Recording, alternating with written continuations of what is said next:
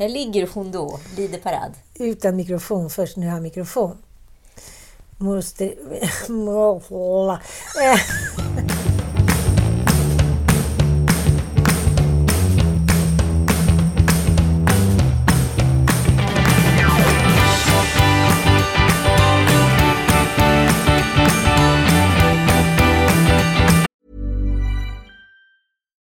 One size fits all seems like a good idea for clothes until you try them on.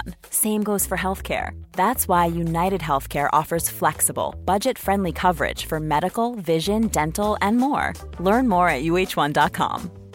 Hey, it's Paige DeSorbo from Giggly Squad. High quality fashion without the price tag? Say hello to Quince.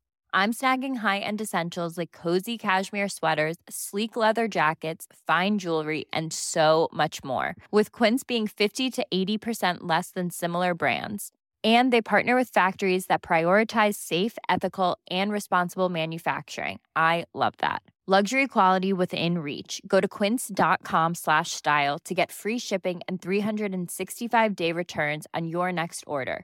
Quince.com slash style.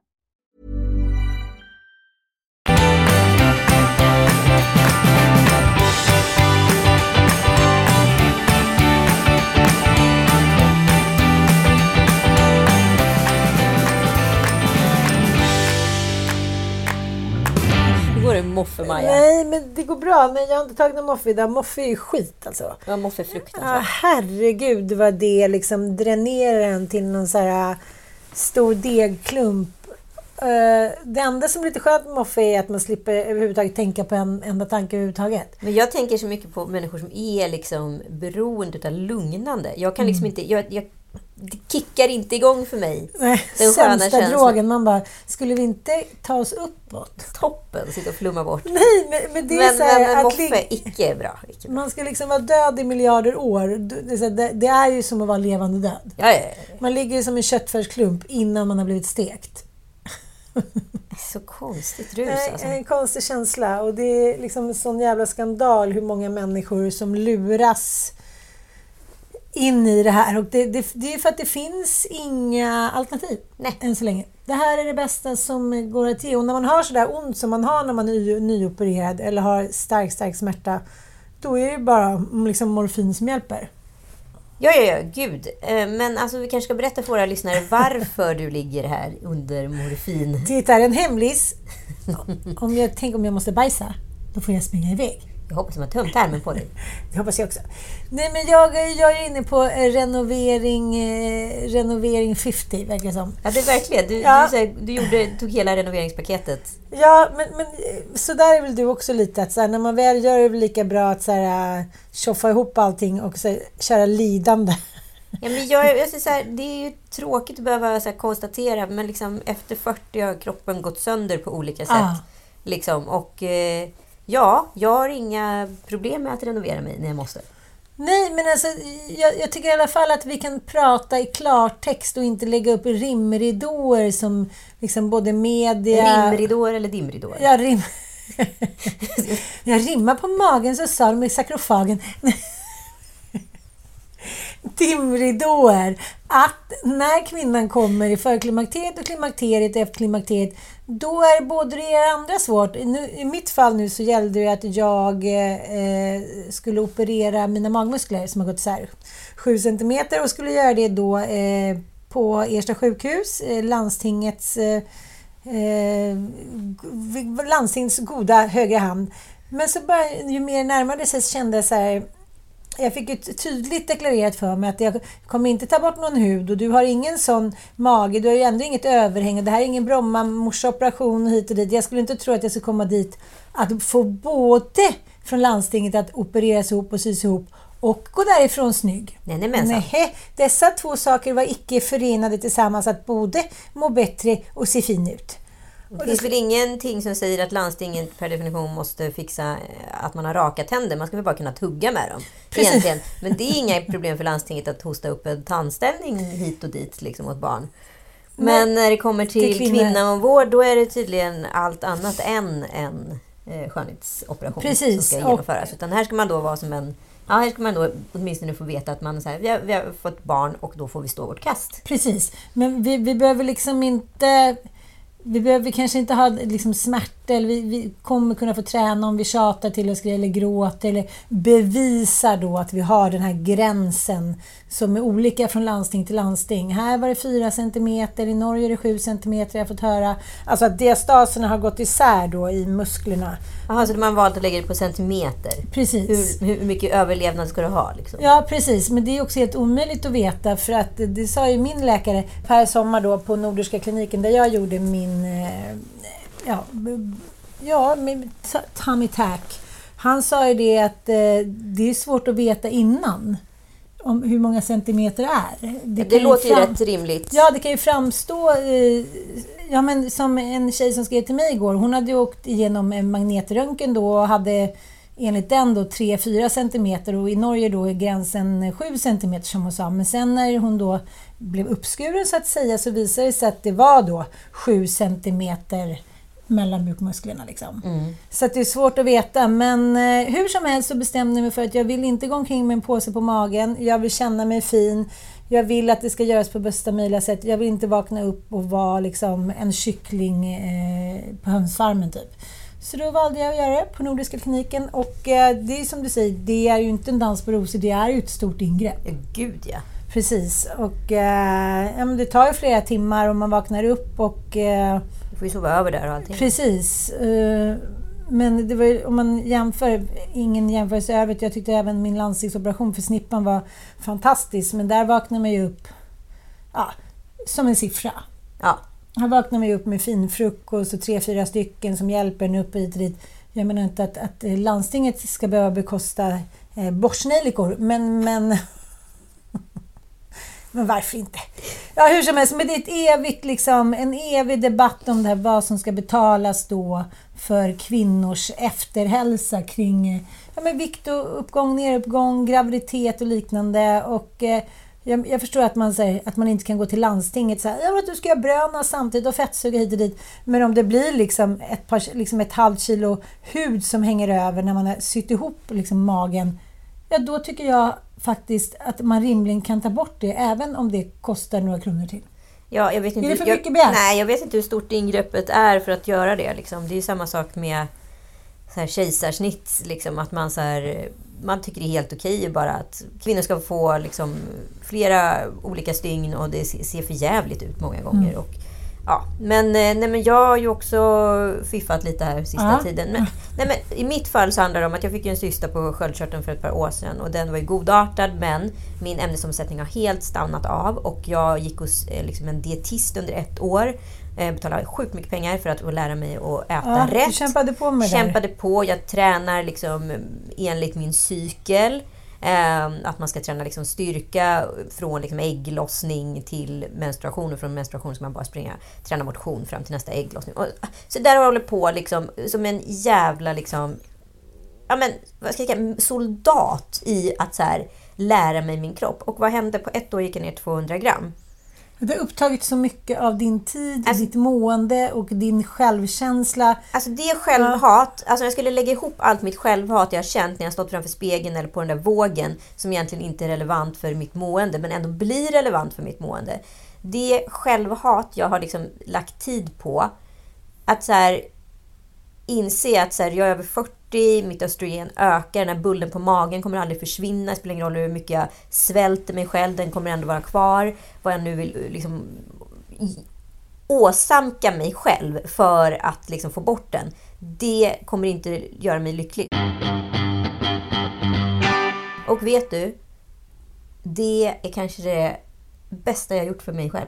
Att titta mig i spegeln och känna så här. Inte känna hat. Att bara känna så här. Titta, jag fick min kropp tillbaka. Det är så här jag förtjänar att se ut.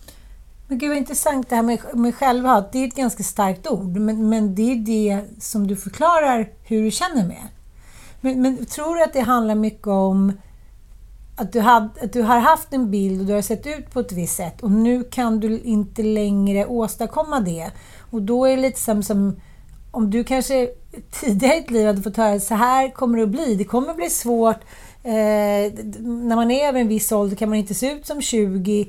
Om du hade blivit liksom kanske informerad eller peppad av det? Tror du det hade sett annorlunda ut? Kan man säga att vi som blev vi 70-talister och kanske också 60-talister och 80-talister vi lever i tron att vi så ska gå genom livet som så här, snygga 20-åringar no matter what. Nej, det tror jag absolut inte. Nej. Men liksom så här, Nej, inte jag heller, men jag bara gör ja, en retorisk fråga. Ja, det är en retorisk fråga. En bra retorisk ja. fråga. Nej, men ja. Däremot så trodde jag nog att jag skulle fortfarande kunna tjäna på att kunna leva rätt.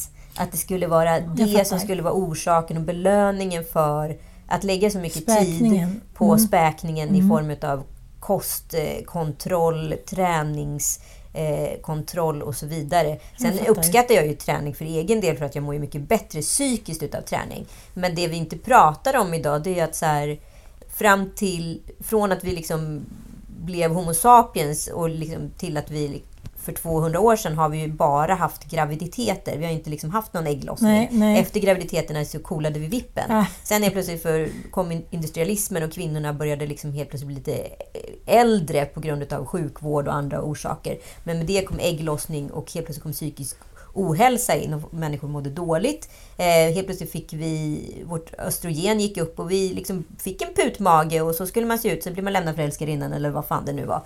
Hur som helst, alltså, vi pratar inte om kvinnohälsa och kvinnovård. Det är liksom på någon agenda idag, 2022. Och så här, varför, varför ska jag behöva må och se ut på det här sättet? Jag har gått till eh, Dr. Natgan på Estetiska institutet och är sjukt, sjukt nöjd med det resultatet jag har uppnått. Eh, och det är verkligen inte ett stort ingrepp. Sen är ju det här väldigt individuellt. Jag kommer aldrig säga så att alla ska göra det. För mig, att slippa det självhatet per dag och bli, kolla mig i spegeln och bli lycklig och känna mig pepp. Det är en avgörande skillnad. Mm. Jag tycker liksom inte att jag förtjänar att så här, eh, vara så kontrollerad i min livsföring så att det så går ut över mitt psyke när jag inte får någon belöning i spegeln för det jag lägger ner i tid. Nej, men jag fattar, jag fattar.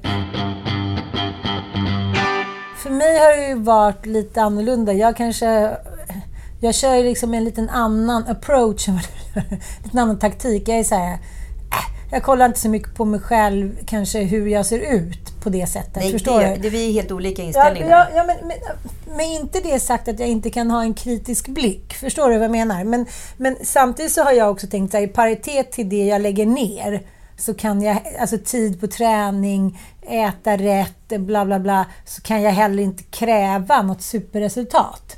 Men, men det som, hände, som har hänt de senaste åren, både med Mutalondi, eh, som liksom Nya spännande namn varje podd. ja, men med, med, med, ja, men med min vagina då, just att jag har känt eh, det är inte samma känsel, eh, har svårt att få orgasm, eh, känns som någonting håller på att ramla ut. Eh, jag kan leka tampongleken med mig själv. Jag sätter in den, den hoppar i Gröna Lund. Tampongen med Gröna Lund.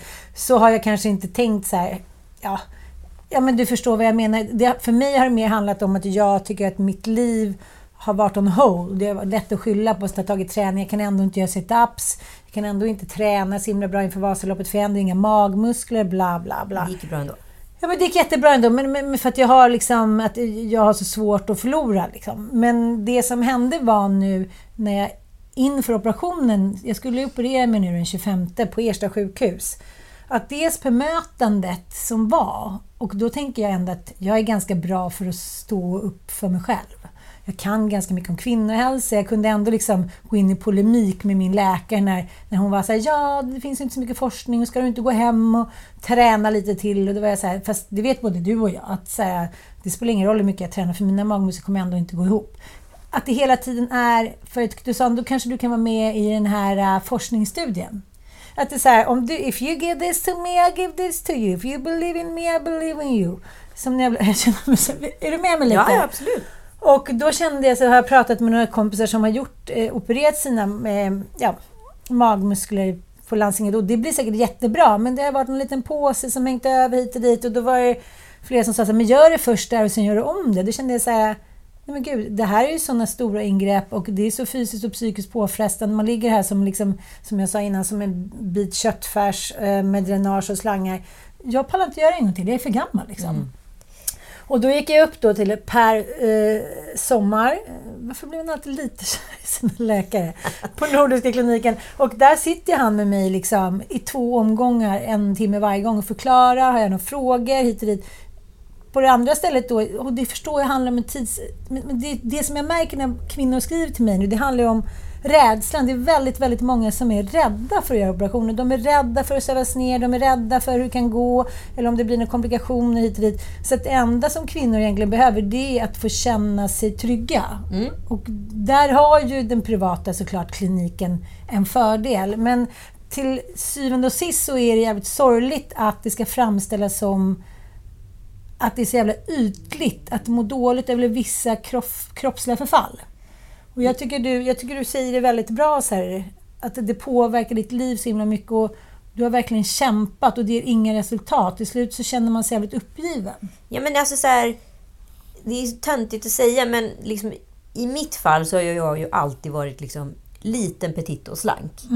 Och sen så är plötsligt, senaste åren har jag fått liksom en rätt stor buk. Och hur jag än tränar så går inte den här buken bort. Och för mig så, så här, som är liksom modeintresserad så här, och liksom hela tiden börjar köpa kläder för att så här, skyla mig eller på något sätt så här, ta bort fokus från den där buken som jag känner att så här, inte passar till de typen av outfit som jag vill ha. Det, det är inget roligt. Det tar bort liksom en, en, en stor lyckogrej för mig. Jag älskar liksom estetik och det kreativa och mode och alltihopa. Men, men det blir liksom någon, det blir någon annan liksom form av lösning på det. Jag tycker det är så jävla tråkigt. kan du Ja. Ja. absolut. Ska jag kolla på att flytta till Afghanistan också. Ja, eh, nej, men det är inte okomplicerat. Jag förstår Och det det. är väldigt individuellt. Ja. Det här behöver inte liksom vara rätt för alla bara för att vi sitter och pratar om det. Nej, absolut inte. Men, men, men det handlar om alla de DM jag får och allt detta dåliga mående.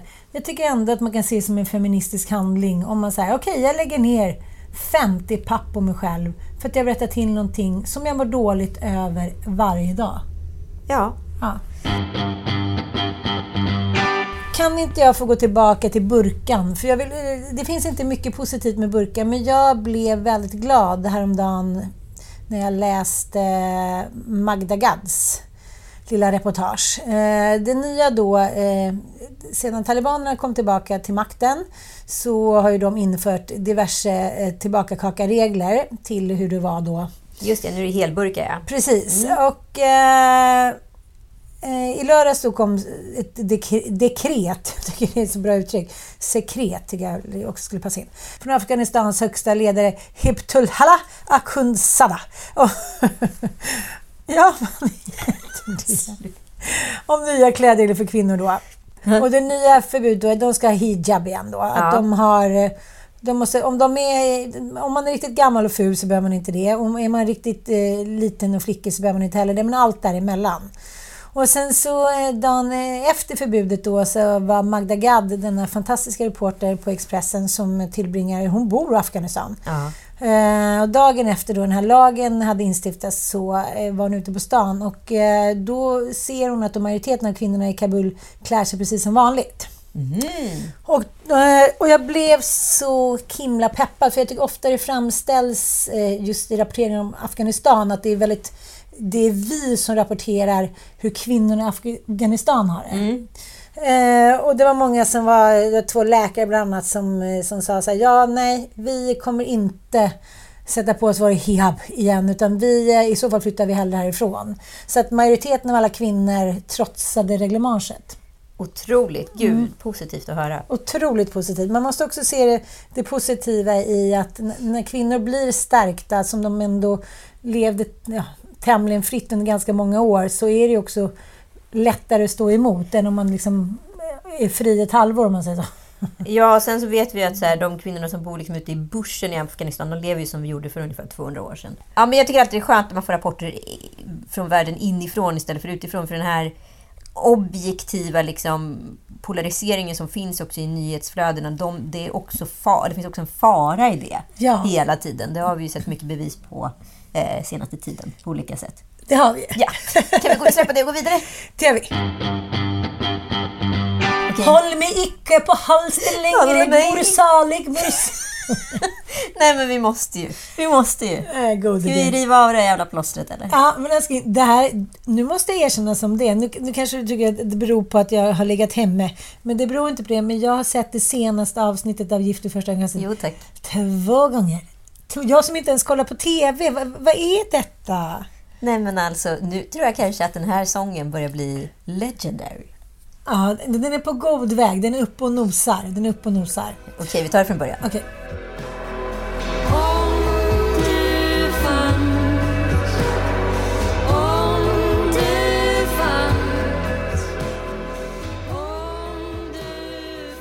Första avsnittet eh, var ju inte mycket för världen. Eller det var ju mycket för världen, men det kändes ju väldigt akkurat.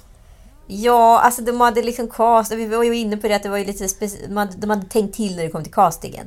Men sen förstod vi ganska snart att så här, eh, Axel och Märta, det där var liksom sista minuten-paret. Ja. Då, vi- då de hade ett avhopp som sen återkom till Ja. serien. Det, Men vi måste, börja, vi måste börja prata om... det var lite som när jag var med i fantastiska eh, Kändisdjungeln. Åh nej, nu eh, de hade frågat 200 personer och alla tackade nej.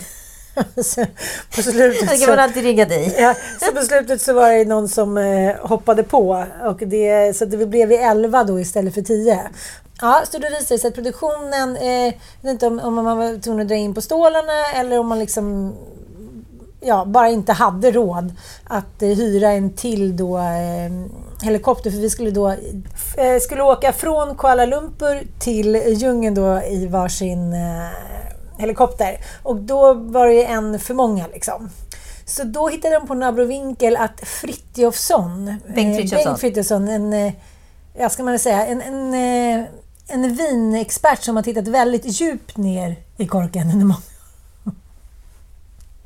Så taskig du. Ja, men han har ju det. Och Ja. det, det, kanske man ska ha när man är vinkännare, jag vet inte. Men hur som helst, då, fick vi, då blev abrovinken och hittepålösningen att han skulle bila in i djungeln och möta upp oss där. Och han var ju liksom gammal redan då. Nej men det urartade å det grövsta tills han låg och såg syner och olika små kryp kröp ur hans öron. Och, ja, hur som helst. Det här, han kom tillbaka in Vad gör man inte för teamet. kändisskapet? Precis, och det är väl samma sak här. att eh, Plötsligt ångrar man sig och tänker vad tråkigt jag hade här ute i, i bussen i mitt lilla sommarställe med hästen. Jag kanske ska ta chansen och, och eh, liksom få lite uppmärksamhet. Och det var väl det som hände. Ja, vi måste bara prata om den här säsongen. Alltså, kan vi börja med Axel och Märta? Ja. Vi har varit på bröllopsresa, Märta jag. Märta hade synpunkter om hur jag är som person. Jag blir liksom obekväm för jag fattar inte riktigt eh, vad det är du ber om ursäkt för hela tiden. Liksom. Det måste vi också prata om. Inte bara ursäkterna utan också att du ber om lov. Herregud. Jag känner lite faktiskt, om jag ska vara ärlig, att ju mer jag lär känna Märta desto mer ointresserad börjar jag bli på sätt och vis. Jag upplever nästan att, att vi hittar mer olikheter och eh, motsättningar än, än likheter som skulle kunna indikera en eh, match. Hon är ju sympatisk men ofta känner jag att hon kanske inte är jätteempatisk. Vet du vad jag skulle vilja prata med dig om, Ann? Jag skulle vilja prata med dig om den toxiska kvinnligheten. Mycket bra, mycket bra. Nej men alltså, det här är tiden då vi ser Tinderkvinnans lust och leverne.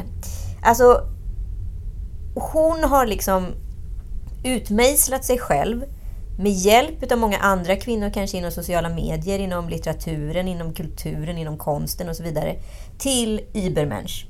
Hon är Übermensch, hon vet rätt. Men ändå vet hon fel, för hon träffar inte den där drömprinsen som hon har utmejslat till någon form av yngre man som är jämställd, som liksom inte har den där toxiska manligheten som hon är så rädd för. Men som hon ändå åtrår. Mer än något annat liv. Ja, men de kanske ska se ut som en toxisk man, men de kanske inte ska vara toxiska. Precis. Och- Svår kombo. Svår kombo. Eh, och hon är så självbekräftad, den här nya kvinnan. Så att hon har också gjort sig själv till någon form av facit på vad som är rätt. Alltså, hon projicerar alla fel som finns i världen, i deras relation och så vidare på den stackars förvirrade ynglingen Axel, som är- också är ett resultat utav den nya kvinnorollen. Han är den ömma, jämställde mannen, eh, liksom metrosexuell, kanske vill vara till lags, vill absolut inte vara toxisk och försöker vara det där som man har pratat så mycket om i den rätt avancerade feministiska kulturen. Allt det där har han försökt träffa in på. Men han är så förvirrad i sin manlighet nu, för när Märta då, som säger att hon vill ha honom, eller egentligen det han beskrivs som, men Ja. ändå inte vill ha honom och tycker att allt det han gör är fel, då är resultatet att han blir väldigt förvirrad i sin mansroll. Man har liksom tänkt ett varv för mycket här och resultatet blir ju liksom att ingen utav dem blir lycklig. Vi ska lyssna lite på hur det låter hos parterapeuten. Ja. Var mer dig själv och hade varit mer inkännande i hela situationen i hur du hade känt dig. Det finns ingen brist på goda råd och det är liksom att vara öppen och snäll och snälltolka och inte döma, leta rätt, leta inte fel och... eh, Det är skitsvårt. Såklart att man liksom inte är sitt bästa jag och man beter sig jättekonstigt och man försöker och jag vill vara ärlig, jag vill vara öppen, jag vill vara snäll och det är svårt ibland för du är så jävla stark. Förlåt. Nej, men det är liksom... Alltså det, jag upplever att jag försöker hela tiden och ändå har jag en känsla av att jag bara gör fel och jag misslyckas. Det viktigaste det är att man mår bra, att man känner att man får ut någonting av processen. Och det här är ett beslut som ni måste fatta individuellt. Om det är så att ni vill fortsätta lära känna varandra så finns ju den möjligheten. Men det kräver i så fall att man är öppen för möjligheten att det kan utvecklas en relation. Man kan ju tycka att det verkar som att jag ger upp på Axel och Märta. Det gör jag inte. Nej, men det, dels känner jag så här, varför stoppar inte parterapeuten Märta här? Nej, och Det här är ju ren mobbing. Det här är ju typ 1800-talsmobbing. Det här är så här, Carl Larsson mobbar Karin Larsson för utseende. Alltså, det här är liksom på en annan nivå. Det här är liksom Carolina Ramqvist-kvinnan, fast utan Fredrik. Ja, Ja, att det är så här, de, de är upp, det känns som hon är uppväxt i så här, nu ponerar jag ju bara, i någon så här grupp 8-feeling. Hon har otroligt tight kvinnostöd. Hon har så här, sin syrra, sitt gäng, det gick bra i plugget, hon har alltid varit bekräftad. Men liksom, hon är lite för stark för att det ska kunna funka med någon karaslok. Och vd-typen tycker hon så här, det känns omodernt. Men att hon kan sitta och så här, mobba honom tycker jag genom program på program utan att någon utomstående reagerar. Det är inget annat än skandal, ja men, och att så här, eh, då också märka på programmet som var innan när terapeuterna sitter och säger så här. Samtycke är ju en grundbult för att en relation ens ska existera. Eh, och när det kommer till liksom intimitet och samtycke så ser vi nu hos Märta och Axel att de jobbar på att hitta samtycke till varandra. De, jag brukar likna samtycke lite som ett trafikljus. Där det här gröna är där man vet att det fungerar, alltså för de av oss som har körkort, man vet att man får köra. Det gula, det är det här liksom lite tveksamma, de här kanske-svaren. Och det här röda är de här absoluta nejen eller stopp, det man inte vill. Och det är de, som, de röda signalerna har ju alltid makten. Den som säger nej har alltid rätt. Eh, och det ser man ju till exempel på den här kuddmuren som Märta har byggt. Det är en tydlig röd signal som eh, Axel tar emot fint. Men jag vill säga, men om man inte är kåt på varandra så är man väl inte kåt på varandra? I'm so sorry liksom. Då ska man inte hålla på och utsättas för att sova i samma säng med en kuddmur emellan. Kuddmurar minns. Jag bara, såhär, du vet, jag bara minns. känner igen mig själv, såhär, sju år gammal. Man hängde lite med killar som var lite efterblivna. Man var såhär, okej, nu bestämmer vad vi ska göra. Först ska ni visa snoppen, sen ska jag så bara, trodde ni att jag skulle visa snoppen, äh, snippan? alltså såhär, man vet att man har makten Ja. och att, att de vet redan att de är körda. Ja. Och så ska vi, ska, ska vi spela hela vägen ut liksom. Så blir alla liksom, sorg, olyckliga i slutändan. Nej, men det jag känner är så här att jag måste ändå återgå till det som du och jag har pratat om ibland. Om man har sett ett avsnitt av det här programmet, det första avsnittet där de här, eh, hen och hon, eller hen och hen, eller han och hon, eh, gifter sig med varandra, då vet man ju lite var, så här, vad det förpliktar. Sen behöver man absolut inte pussas, man behöver inte spela med i någon romantisk såpa. Men eh, om man vill vara med och göra bra TV, vilket man måste vilja göra om man tackar ja till det och får betalt för det här. Och sen kommer då mot den stackars Axel med någon form av anklagelse om att hon inte har varit med på noterna. Jag vet inte. Nej, jag, jag tycker det, det, här är liksom samtyckesproblematik måste jag säga. Verkligen. Och, ena, och nu måste jag gå tillbaka till det här att säga, han har väl inte tvingat henne. Hon är ju så pass smart och raffinerad att hon skulle kunna svepa till lite med håret, skratta lite. Det är inte så att Axel är en abuser. Nej, det är inte så att han skulle gå på henne om hon typ vände bort ansiktet om vi säger så. Nej, och liksom det är ingen Billy Butt med mikronoppi. Nej, nej, nej, nej, nej, nej, nej, men alltså så här, vi, det här var ju porträtterat inför kameror och det är ingen som har, alla har ju sett vad som har skett. Det har skett inför liksom öppen ridå. Mm. Man kan inte så här, och han är ju också så här otroligt ångerfull över att han eventuellt har lagt armen om henne. Ja. hur obehagligt det måste varit när hon känner sån oerhörd avsky ja. inför hans anlete. Ja.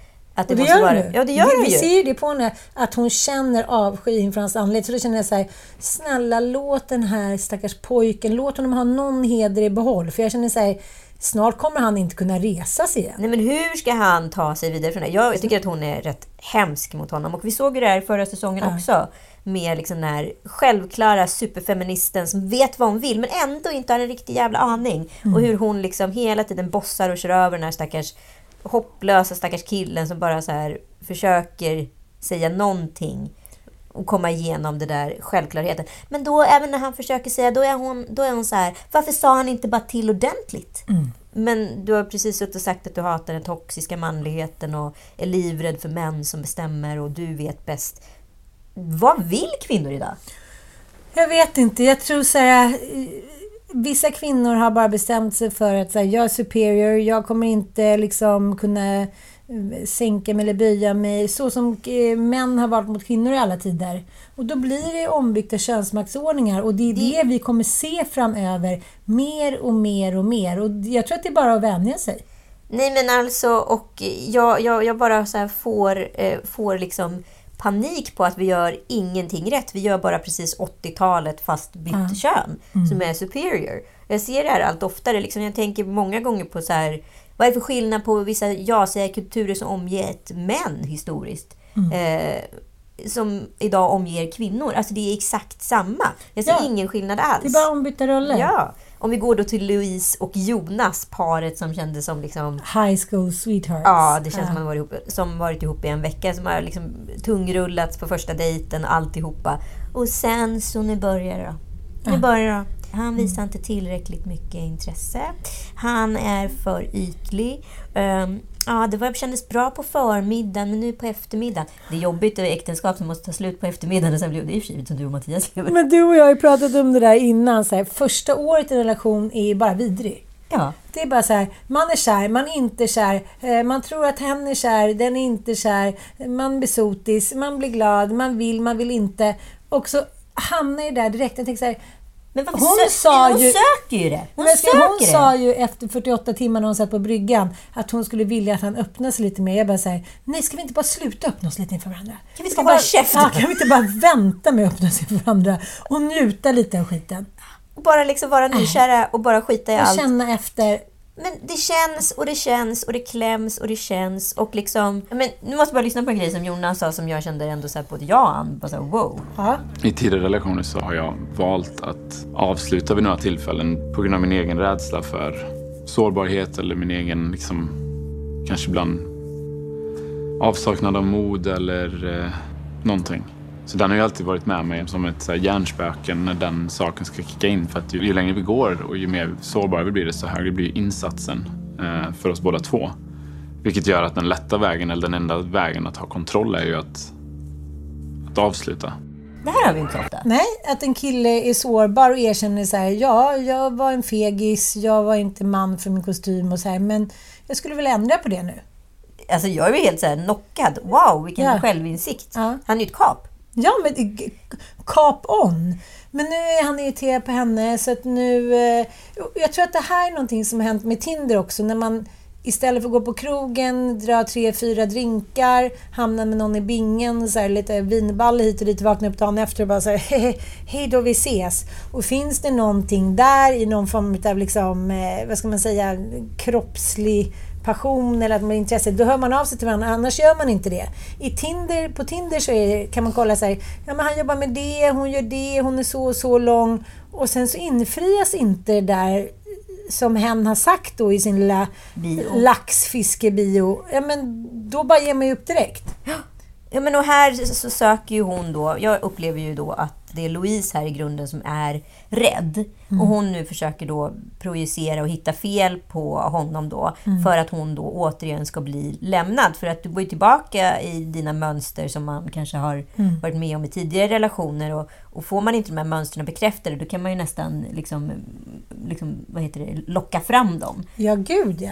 Det har vi alla varit med om och gjort. Ja, men att, så här, att vara missnöjd så fort in i en relation, det blir inte bra. Nej. det- Sen så tror jag att, så här, att man kanske ska styrketesta för att så här, komma vidare. Men vi har ju sett historiskt på de andra paren som har börjat med den här negativa spiralen, att det blir sällan bra då. Ja, men jag tänker på förra årets eh, toxiska kvinna då, Susanna. Ja. Som eh, gifte sig då med Eller hon, gift, ja, hon gifte sig, hon skilde sig sen. Ja, lite av din och min favorit, Johan Skans. Just det, grävmaskinisten. Grä... Sånt här har jag för mig att man kan äta. Ja. Så det kan man ju plocka några Men stycken. vi ska väl inte bryta av va? Nej, kanske vi inte skulle. Det var kanske kan dra av ett skott i och för sig. Så att vi inte skulle bryta grenar. Ja, ja, precis. Skotten tror jag vi kan ta. Ja. Men jag tänker, i och med att vi inte vet om man kan eller inte eller ska eller inte. Ja, granskott det har jag ändå ätit förut. Ja. Så det, det vet jag att det går. Ja, men absolut. Ja, Men vi behöver kanske inte ta så mycket så Ja. att vi slipper slösa på resurserna i onödan. Tänker jag. absolut. Så kan vi hämta mer sen. Ja, då tar vi en. Eller hur? Jag, ty- jag tycker så. Ja, men då gör vi så. Det blir bra. Yes. Som till skillnad nu om ni får göra en liten sån, men får man göra en sån mansbedömning? Han var ju ingen mes. Men hennes toxiska stil gjorde ju att han blev mer och mer osäker och till slut hamnade också i någon form av underläge och liksom osäkerhets... osexighet. Kan man säga så? Ja, absolut. Och eh, ja, vi ser ju den här kvinnan då och då dyka upp. Ja. Och det verkar ju uppenbarligen vara en representant från det nya samhället. Så att så här, det är värt att prata om det. Men anledningen till tror jag att Märta har klarat sig så bra till skillnad från eh, Susanna fick utstå väldigt mycket spe. Ja, jag kan tänka mig att Märta kommer också få en del spe. Jo, men, men det är också för att Märta är ju eh, liksom eh, Zornkulla-kvinnan. Ja, men, eh, långt, starkt hår, eh, liksom lite rolig men ändå moderlig och smart. Hon, hon, liksom, hon, är, hon är listig på ett annat sätt. Hon är inte lika mycket besserwisser. Nej, det kanske är sant. Fast hon ändå är det.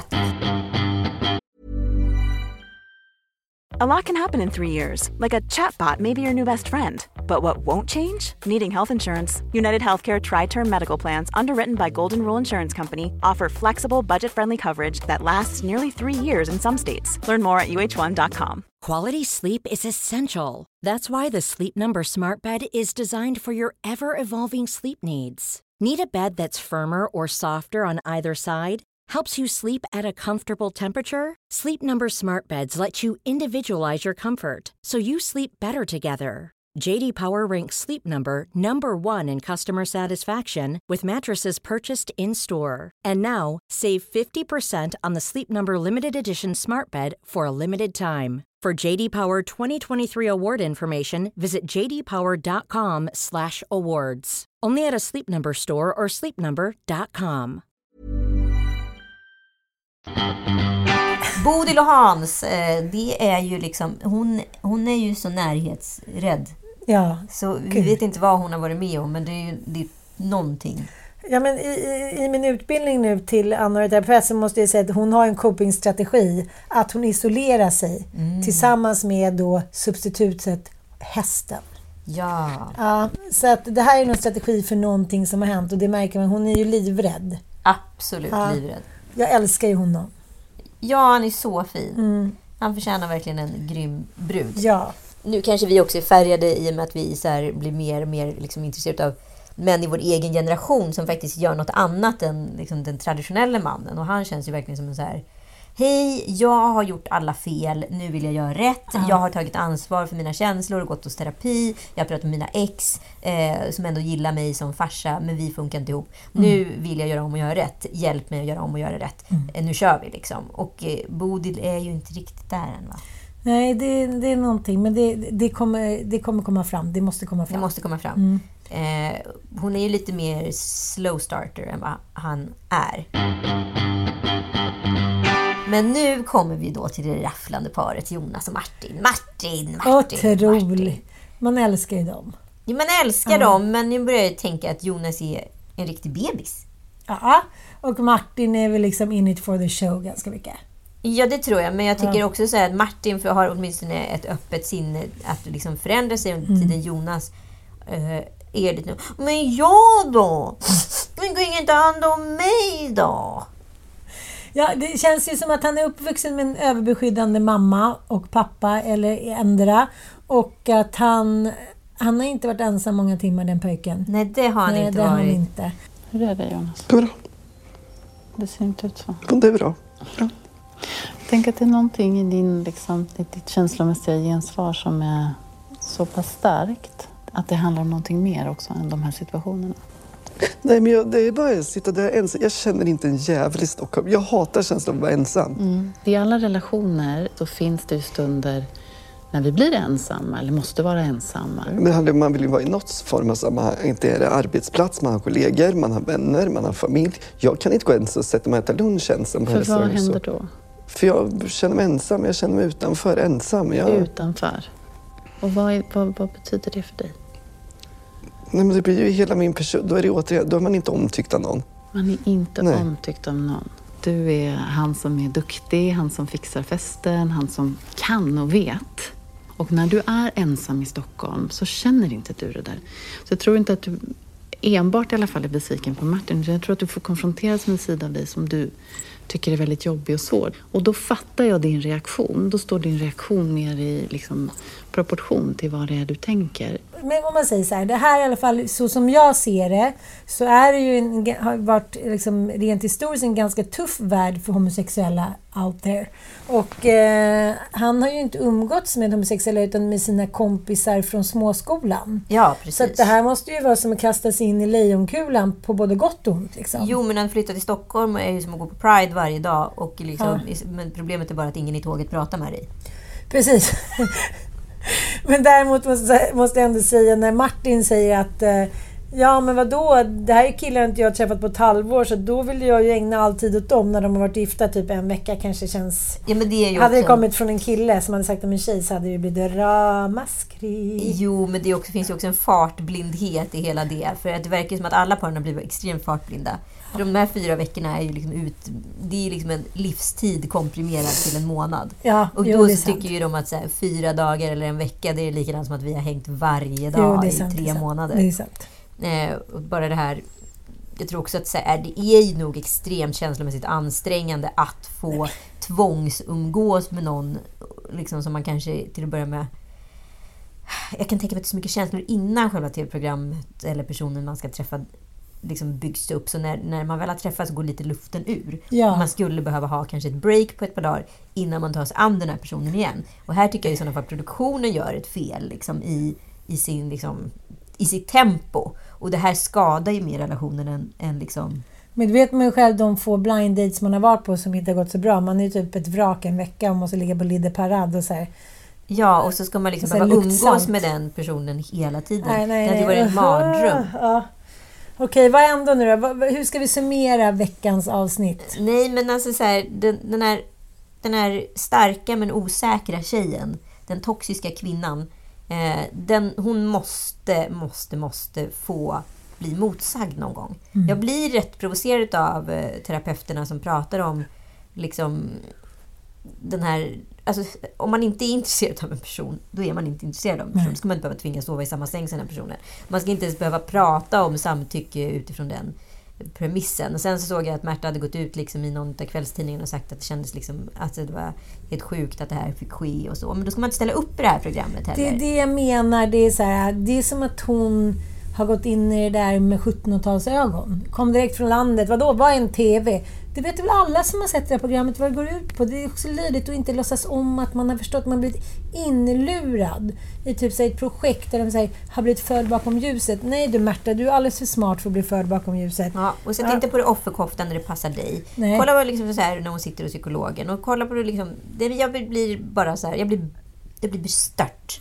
För att här, nya kvinnan, 30 plus, är, har liksom blivit så komplicerad som hon har slagit knut på sig själv. Mm. Och i slutändan blir bara alla olyckliga. Eh, en kvinna som däremot eh, eh, inte eh, har framstått som särskilt toxisk, tycker jag, är Amber Heard i den här evighetspågående eh, rättegången mellan henne och exmannen då, eh, skådisen Johnny Depp. Och varje vecka tänker jag så här, nej men nu orkar jag inte eh, se en ruta till om det här. Men så orkar jag det ändå. För det är som att man hela tiden svänger. Men nu har jag liksom verkligen svängt över på Ambers sida.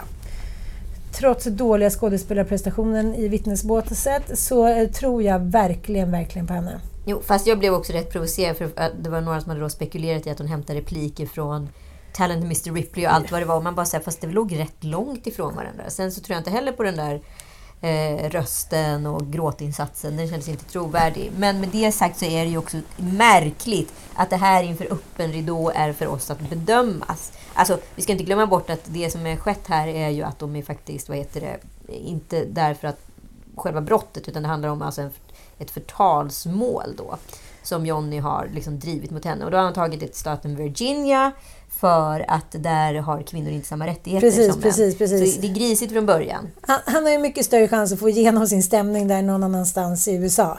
Ja. Virginia. Ja, så, så här, det handlar ju inte egentligen om det de pratar om utan det handlar ju om egentligen vad, varför då Amber kallar honom liksom, som en överlevare utav liksom, våld.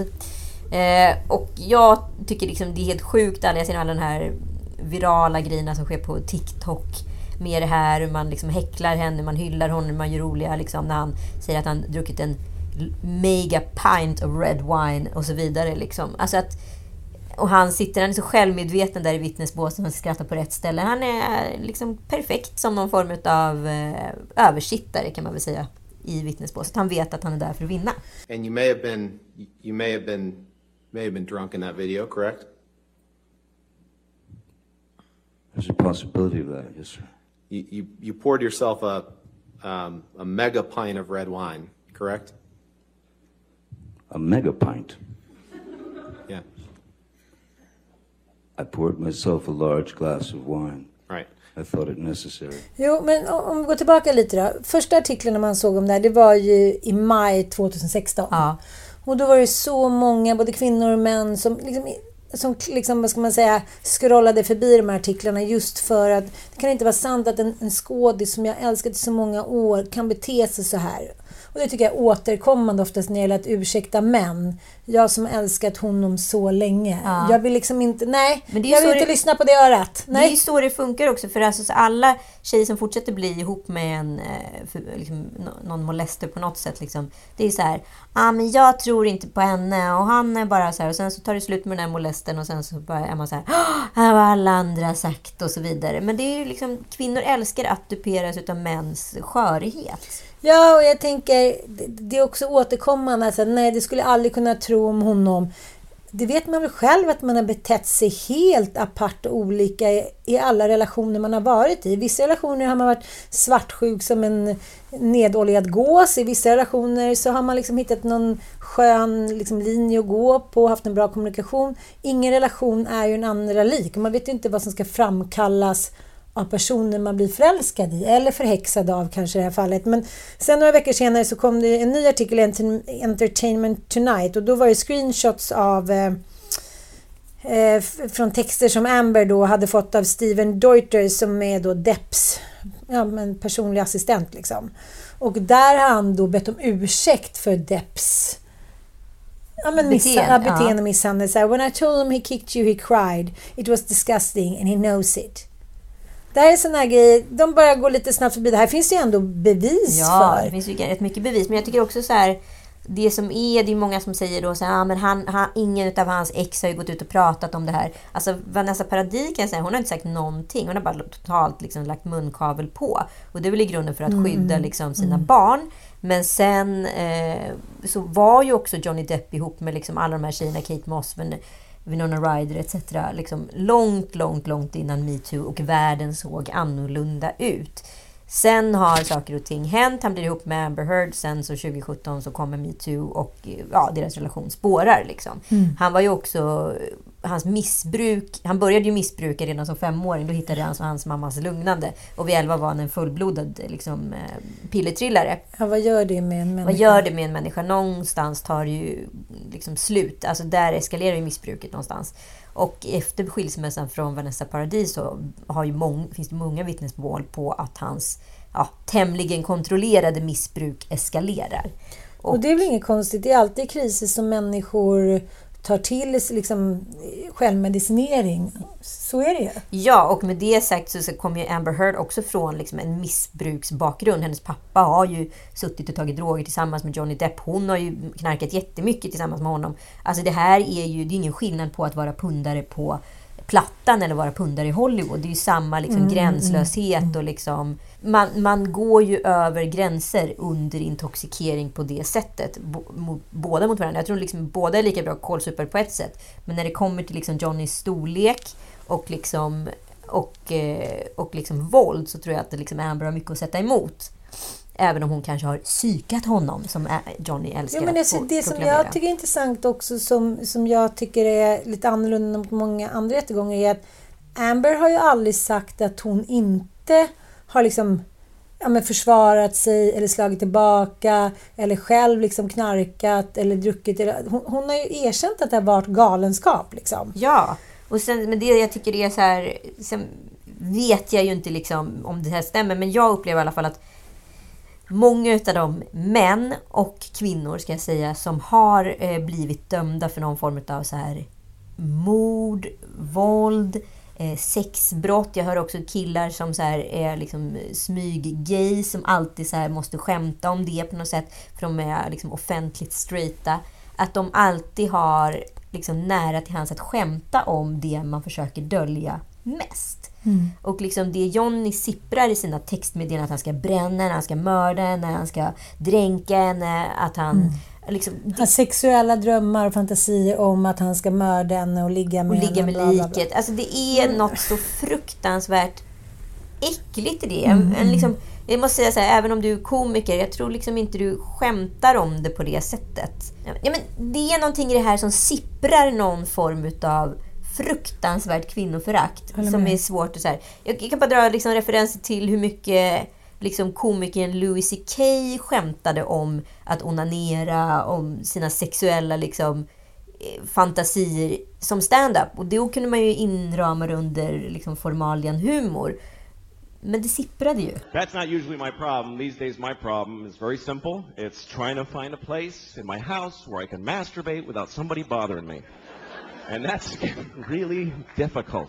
Och sen kom det fram. Och jag vet inte, det är någonting i det här sipprandet. Vi, det finns en känd programledare på TV4 som också sipprade en del förr i tiden och sen kom det fram. Så här har det sett ut. Eh, jag vet inte. Det är inte så här att, eh, att Amber Heard har levt i marginalerna sen det tog slut med Johnny Depp. Det är inte så att hon behöver överleva och därför stämmer hon. Hon har ju haft en stor roll i Aguaman. Ja. Hon liksom lever Agua, med, det är den spanska versionen. hon lever med sin dotter. Eh, jag bara tycker att det är, det är verkligen tusen år av kvinnlig ensamhet och se hur det här fortgår. Jag bara känner så här, om jag själv skulle varit i samma situation, eh, vilket jag skulle kunna ha varit, men eh, valde att inte anmäla, så får man göra det man, har man kan. Vad ska kvinnan göra då? N- när, männen sitter och säger bros before hoes, sitter och skämtar, är ovärdiga, klankar ner, framställer någon som de någon gång har älskat, vare sig det gäller deras liksom, barns mamma. Det finns... Jag bara säger, vad tog den gamla jävla hedliga cowboymoralen vägen? När man känner lite stolthet för dem man älskar, när man känner stolthet för sin familj och att vara man. Är det, en- Ska vi skylla på den toxiska kvinnan igen? Nej, vi ska inte skylla på... Det här är en typisk toxisk manlighet. Jag vill Ja. bara säga att så här, båda arterna förekommer. Precis. Och de syns här. Och det jag blir liksom lite mer så här, bestört av när jag så här, analyserade det jag ser liksom, uppspelas för, på sociala medier när man travesterar då Amber Heards eh, liksom, klädsel och uppsyn i rätten och så vidare. Så tänker jag så här, vad är det för, egentligen för skillnad på att sitta i en rättegång och bli anklagad för att så här, ah, du hade för kort kjol, för du skyller dig själv att du blir våldtagen. Mm. Men du går runt och ser ut som en slampa sådär. Att en kvinna måste se att sitta där och se ut som en oskuld eh, för att bli betrodd. Att det fortfarande måste vara så. Eh, jag vet inte, det är någonting som är metat i allt det här som gör jävligt ont. Det skaver på något sätt. Men jag tänker också att det är så många hundra år av liksom en, en felaktig och falsk framställning. Jag tänker på alla cowboyfilmer man har sett när man var liten, suttit med köris och så här The best little whorehouse in Texas. Och där kvinnorna framställs då som så här, the happy hoes. I vackra kläder och fixade frisyrer och snygga cowboys som kommer in och så här sätter på dem hej friskt och det är bara härligt och sen får de extra dricks och en liten present så rider de ner solnedgången. De är så här, vinkar tårögda till så här Luffy the Luffy. Det är så här, allting framställs ju som att kvinnor är med på den här skiten, vilket vi aldrig har varit. Jag tänker säga, det var någon som sa efter metoo. Om du har varit en schysst snubbe så har du ingenting att oroa dig för. Det är den enda regeln som gäller från, från start till mål. Är du en schysst människa eller snubbe, då har du ingenting att vara rädd för. Då kommer du inte råka illa ut. Kommer inte bli metooad då. Nej. Tack för att ni har lyssnat. Vi hörs om en vecka. Förmodligen inte från sjukstugan, för då är jag på Hydra. Oj då, då ska jag berätta om laxen i rymden också. Det ska du göra. Det ska jag göra. Jag ska gå och bajsa. Ska jag.